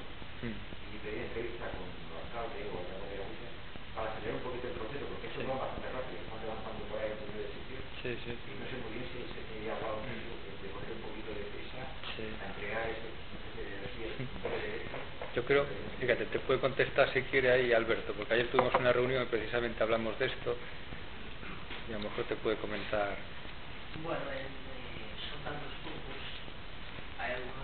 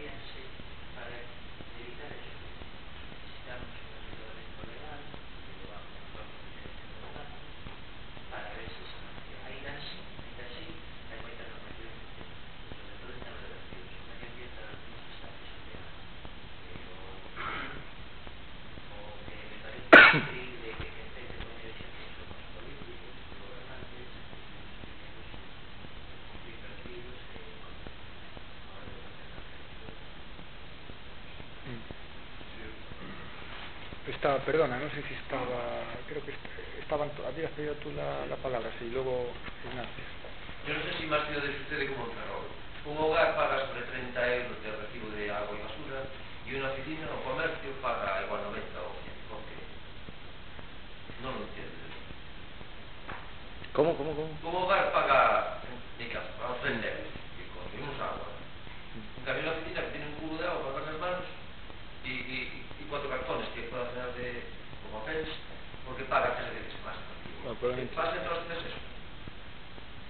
aquí será por, por el, régimen tarifario que haya. Puedes contestar tú mejor a eso, que trabajas en EMAFESA, pero claro, por el régimen tarifario. Eso es una decisión política que va en una ordenanza fiscal. La ordenanza fiscal es una cosa técnico-política, más política que sí. Y las ordenanzas fiscales lo que hacen, eh, en- me refiero ya hablándote de la política que siguen esas ordenanzas para hacer eso, es considerar que en las viviendas es más imprescindible que para un negocio. Entonces hacen más asequible al ciudadano en su casa y el que quiere montar un negocio se supone que se lucra, pues le cargan más el servicio. Un poco va por ahí la cosa. Y también por comodidad. Pero estaba- Los locales es más fácil contabilizarlos Sí. en conjunto y café para todos, ¿no? Yo he sido, he tenido una oficina y me ha pasado esto. Porque ni te duchas, ni no sé qué y tal, y luego tampoco la basura es la constante. O sea, pero, y hemos protestado más de una vez, pero pensamos que por eso es por comodidad. Y luego porque también, antes habéis hablado de, ciudadanos, y tal, y, es que eh, somos muy jóvenes para saber tener ciudades, ¿no? Y cuando una ciudad como la nuestra pues ha crecido mm, desordenadamente, porque considerar que la ciudad, aunque no, no tenemos los 90.000, pero los tenemos en Narón, y, y ahora el problema de este conjunto pues está siendo un pequeño monstruo por, por cosas elementales, entre otras cosas eso que habréis tratado según en otras conferencias que yo he estado, pero en el tema de la emisión del fecal, del agua eh, pluvial, es una barbaridad. El otro día nos dieron una conferencia magnífica el otro día, unos catalanes aquí que están haciendo un estudio en Santiago y es absolutamente maravilloso como la cuenca de Santiago, la nueva, porque Santiago la, la- la que está está, la van a verter a través de las calles del pluvial. Usted habla, has hablado de, de los ríos y tal, es decir, los ríos y los cauces no se deben interrumpir aunque pasen por las calles. Entonces, es decir, el drenaje tiene que ir limpio el río, no solamente la naturaleza, sino que cuando la ciudad, se- el, río se convierte en ciudad, tiene que seguir un río. De manera que el cauce vaya al cauce natural y se evita esas barbaridades que van a hacer en Ferrol de, de traer todo el agua, además, y luego los, los problemas que se crean. Es decir, este planteamiento, que yo lo he vivido como todos ustedes, eh, pues yo llevo 45 años en plan técnico, debo ser el mayor de la reunión, pues hemos hecho pues casas con, con salidas selectivas de no sé qué y el agua y nos hemos molestado en que la casa salía seleccionado del agua de pluviales con respecto al agua de fecales y los fecales son cuatro metros cúbicos con respecto a los cientos de aguas que llueven. Pero en Galicia tienen que aplicarlo. Llega un catalán a Santiago y creo que lo van a hacer, pero como tarde, nosotros nos ha pillado ya que estamos diciendo, a ver, que ya, que solucionen lo de la ría, porque lo importante es que a la ría llegase todo limpio. El, el río Injerto, todos los ríos, las sardinas, todos esos ríos que llegan polucionados, tenían que llegar limpios. Y, y nos evitamos el tener que analizar y coger la LS y, y mandarlo todo a la alcantarillado y desde aquí pues a, a Canarinas. Es una barbaridad de tal calibre el planteamiento que, que pues, yo ahora voy a tener una reunión estos días con los ingenieros de aquí eh, para decir qué os ha pasado, cómo habéis cambiado, cómo nos habéis obligado a seleccionar el agua en la parcela nuestra hasta las calles y cuando llegan a los núcleos al final todo. Y ahora claro, se coge todo junto y cuesta eso. 37 millones o 50 es decir, el problema estaba desde el principio. O sea, yo por ser mayor y haber vivido los años 60 diría que, que una utopía que, que no teníamos que decir puntualmente por un- una cosa que pasa en este proyecto. Teníamos que romper con todo es decir, pues, teníamos que ser realistas y pedir lo imposible del año 68 es decir, es decir, lo imposible es que se paralice. Esto es una barbaridad. O sea, es una barbaridad. Y los jóvenes que ahora podéis los viejos podemos recordar los años 60 pero pero habéis nombrado a París pues, pues claro, allí se or- organizó todo el mundo estuvo en París, yo no en el año 64 estaba ya era muy joven pero en 68, pero, pero, pero eso me he quedado siempre. Es decir, cuando se producen cosas de ese tipo, aunque nos duelan, pues bueno, es que ya nos han hecho caso. Es que después de 20 años, al final, ya vamos a tener la alcantarilla en Canariña. Pero hacer una cosa técnicamente bien, una barbaridad técnicamente bien, son 10 barbaridades. Porque a mí no me convence ni los pozos, bueno, que el pozo sea aparente y que, el, el, que haga una casetita pequeña o grande, esos son, eh, son chorradas. Eh, eh, perdemos el tiempo, nos perdemos el tiempo en cosas pequeñitas.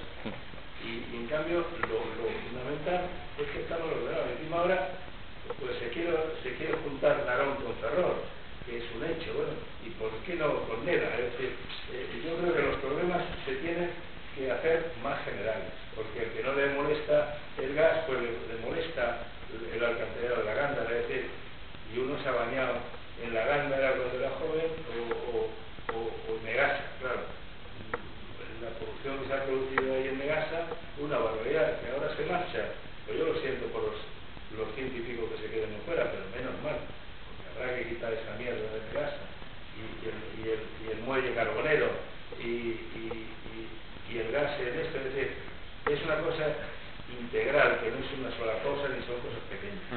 Y yo creo que no se piensa, eh, en, bueno, esto en un señor de 30 años parecerá una utopía, pero yo de verdad creo que es posible ahora, pues, ahora que están dudando en unirse y no unirse y hacer, pues tienen que, hay que pensar en conjunto Ferrer, que creo que no ha pensado nadie, nunca y, y hay que pensar que, el, puerto, el, puerto, exterior es una cosa pequeñita, habría que pensar en el puerto de Ares de, qué vamos a vivir, pues hay que vivir del mar, siempre hemos vivido del mar, y dejar de vivir, pensar que vivimos de Astano o de, o, de, o de los marinos, ¿no?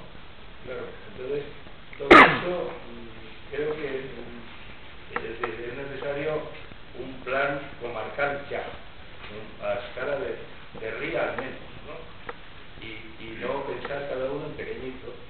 Yo vivo en Meda y vivimos felices, tenemos una depuradora para 6.000.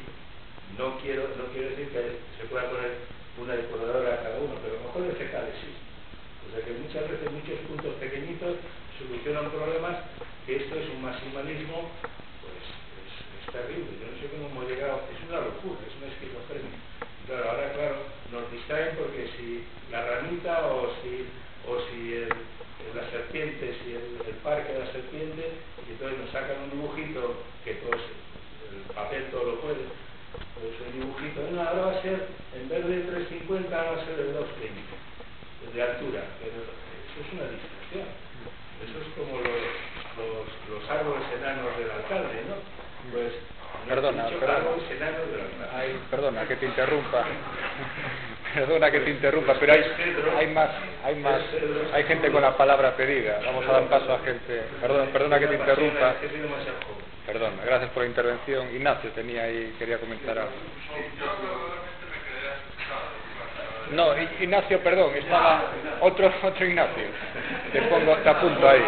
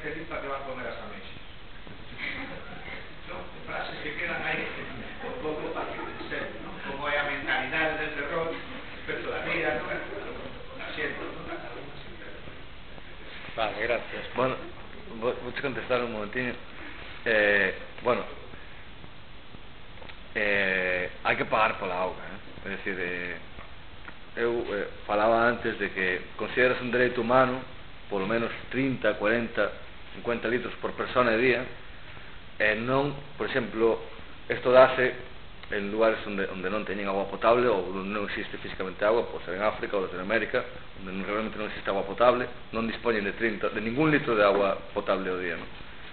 Aquí, pois, podría ser mm, reflexar nos cortes de auga, é dicir, se unha empresa che corta a auga, que non tes agua na casa, tes tamén 0 litros ou se non tes unha fonte diante da casa pois tampouco tes auga nin, non tes inclúmpese ese dereito humano non? eso é o que debería ser gratuito ¿eh? gratuito e decía que os 100 seguintes ten que costar o que vale levarcho a casa os cidadáns teñen que pagar sería impepinable que o Estado pagase xa que a xente non pagase un recibo de auga o que sí é certo é que as empresas privadas cobran un beneficio a maiores que si que si fose unha empresa pública cos medios obviamente si por exemplo que se, se malxa en Coruña é unha empresa pública que ten os medios para, para leválo a cabo pois realmente eh, as tarifas poden ser inferiores ali onde hai grandes empresas xestionando as tarifas crecen e crecen moito non? eso é un pouco o que estaba falando E despois o saneamento, pois, obviamente tamén hai que pagarlo, ¿no? É, decir, é un, algo bastante caro, e, pois, lóxicamente, eh, o deber dos cidadáns mirar de, de como pagalo. Hai quen fala de, de, de impostos directos, indirectos, bueno, de alguma forma hai que pagalo, ¿no? A factura, de alguma forma, pois, pois eh, pagar polo, por, por, si pagas o que di a lei de augas é que pagarás por consumo, é dicir, o saneamento irá en función do teu consumo, tanta auga gastas, tanta auga ensucias, pois tanto de saneamento pagarás. Bueno, unha última intervención, habías pedido ti a palabra e xa se vos parece rematamos porque vamos a xa dos horas e aquí a xente ten que ir a, a casa xa. Bueno, Entonces... quería hacer un matiz aquí sobre el saneamiento, que en Ferrol existen redes separativas que pasa es que no hay redes separativas en todos lados y muchas veces las redes separativas al final se van a juntar a un colector que no es separativo, ¿no? Pero eso ya en el proyecto yo no lo conozco y no sé cómo está previsto, pero sí que existen redes separativas en Ferrol. Lo que pasa es que el proyecto, el proyecto de saneamiento no sé cómo las contempla. Si las contempla, si han sectorizado zonas, si tienen alguna previsión de hacer algo con esas redes que existen separativas, yo solo desconozco. En Arona, en Arona existe. Yo tengo alguna idea de que tenían previsto ya hace muchos años los, tancos, los tanques de tormenta propiamente dichos, ¿no? La idea, una de las ideas de los tanques de tormenta es coger el agua de lluvia, tener un almacén de agua de lluvia en el tanque de tormentas y ese agua de lluvia, cuando viene el tiempo seco y antes de que vengan las lluvias fuertes, hacer una descarga para barrer y limpiar. Eso es un tanque de tormentas yo lo que veo que os he escuchado, más que un tanque de tormentas, ¿no? más propio sería llamarlo una fosa de Purín, un pozo negro. O sea, son cosas diferentes. Uh -huh. Un tanque de tormentas es una cosa y una fosa de Purín es otra, un pozo negro. Uh -huh. O sea, lo que comentan, eso que dicen que es como mm, tanque de tormentas o no sé cómo le llamaste antes. Le llaman tamén eh, estación de alivio directamente. Estación de alivio, vale, pero... Un aliviadero. Alivio, de, aliviadero. de una fosa de Purín. Bueno, en principio, a ver, en principio non sei se anda por aquí a morir, non se, eh, en tempo en tempo seco, é dicir, as fecais iban a ir á depuradora. O problema é que cando chove, claro, en Galicia, pois pues, chove. Entón, no momento que, que empeza a chover, vai ter que aliviar porque a capacidade reguladora dos tanques é pequena. Son realmente os tanques están pensados como como puntos de bombeo eh, unha capacidade reguladora pequena eh, que alivia e contempla un pouco a dilución na ría como un modelo de, de saneamento que non vai a, pre, a sobrepasar os límites que mantén a lei de aguas, ¿no? que outro día Cesio tamén se foi, pero dixo que, que a ría que non iba a pasar de ser zona B. entonces bueno, se despois de gastar 200 millóns de euros conseguimos unha ría que sexa solo zona B, que ese concepto es exactamente el mismo de la fosa de Purín que se emplea, por ejemplo, en las granjas de cerdo. O sea, las sí, granjas pero... de cerdos canalizan todo una fosa y luego eh, limpian y con todo eso lo juntan y también hacen una dilución y luego lo extienden como una especie de abono líquido. Bueno, non sei se entendí moi ben, pero vamos a ver, o tanque de tormentas, ou do que se fala, tanque de tormentas, vamos a ver, existe unha rede de saneamento, pois Ferrol ten unha rede de saneamento, esa rede de saneamento pois vai nuns colectores que ao final vai a un interceptor, é dicir, non? Pois toda a rede de saneamento termina pola marcha nun interceptor, ese interceptor finalmente chega ao depurador, vale? Por medio polo lo medio diso os tanques de tempestade. Sí, sí, bueno, eh, claro. eh, entonces, os tanques de tormenta que se, que se poñen polo medio consisten pois, pues, nunos mm, depósitos que o que fan é que cando chove, sobre todo cando chove torrencialmente, en redes pois, pues, unitarias, como pode ser aquí, claro, a, a, a redes de saneamento se ve mm, saturada, se ve colapsada. Eh, o sea, do, así como que de donde non hai non se pode sacar, donde non se pode meter máis, non se pode meter máis. Quen fan todas as redes de saneamento cando colapsan? Verter fora da rede, pois por onde sea. Pois verten por onde sea. Que fan eses tanques? Reter temporalmente os fluidos da rede de saneamento para que cando cese a tormenta podan seguir bombeando a, a, a depuradora. Ese é o concepto de, de de tanque de tormenta se non vai máis alá. O que se discute é as dimensións, o que se discute é que, obviamente, eses, eses tanques de tormenta pois, poden, poden chegar a saturarse tamén e eh, teñen aliviaderos, e o que se discute é, pois, eh, segundo sei, pois, eh, que si se fai dunhas dimensións non reducidas ou que non sexan óptimas, pois regularmente si seguirá vendo vertidos na ría cumplindo que a normativa que fala de cantidades de bacteria por, por non fala de vertidos cumplindo pois regularmente si seguirá habendo vertidos sobre todo en época chuviosa ¿no? eso que bueno, eh, xa, algo rápido sí. xa porque temos que terminar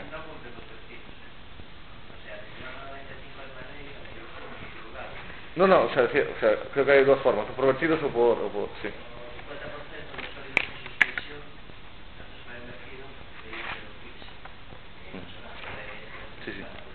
Sí, sí, ten razón tamén. Sí. Bueno, terminamos Xantón. Recordade o seguinte, o mércores que ven no Ateneo falará Manolo Souto de Adega sobre os sistemas urbanos de gases hostible. Gracias ao Ateneo por deixarnos a sede. E, eh, bueno, facer entrega aquí a Guillermo, pois, de unos... de un agasallo e unha pecha ferolante que va a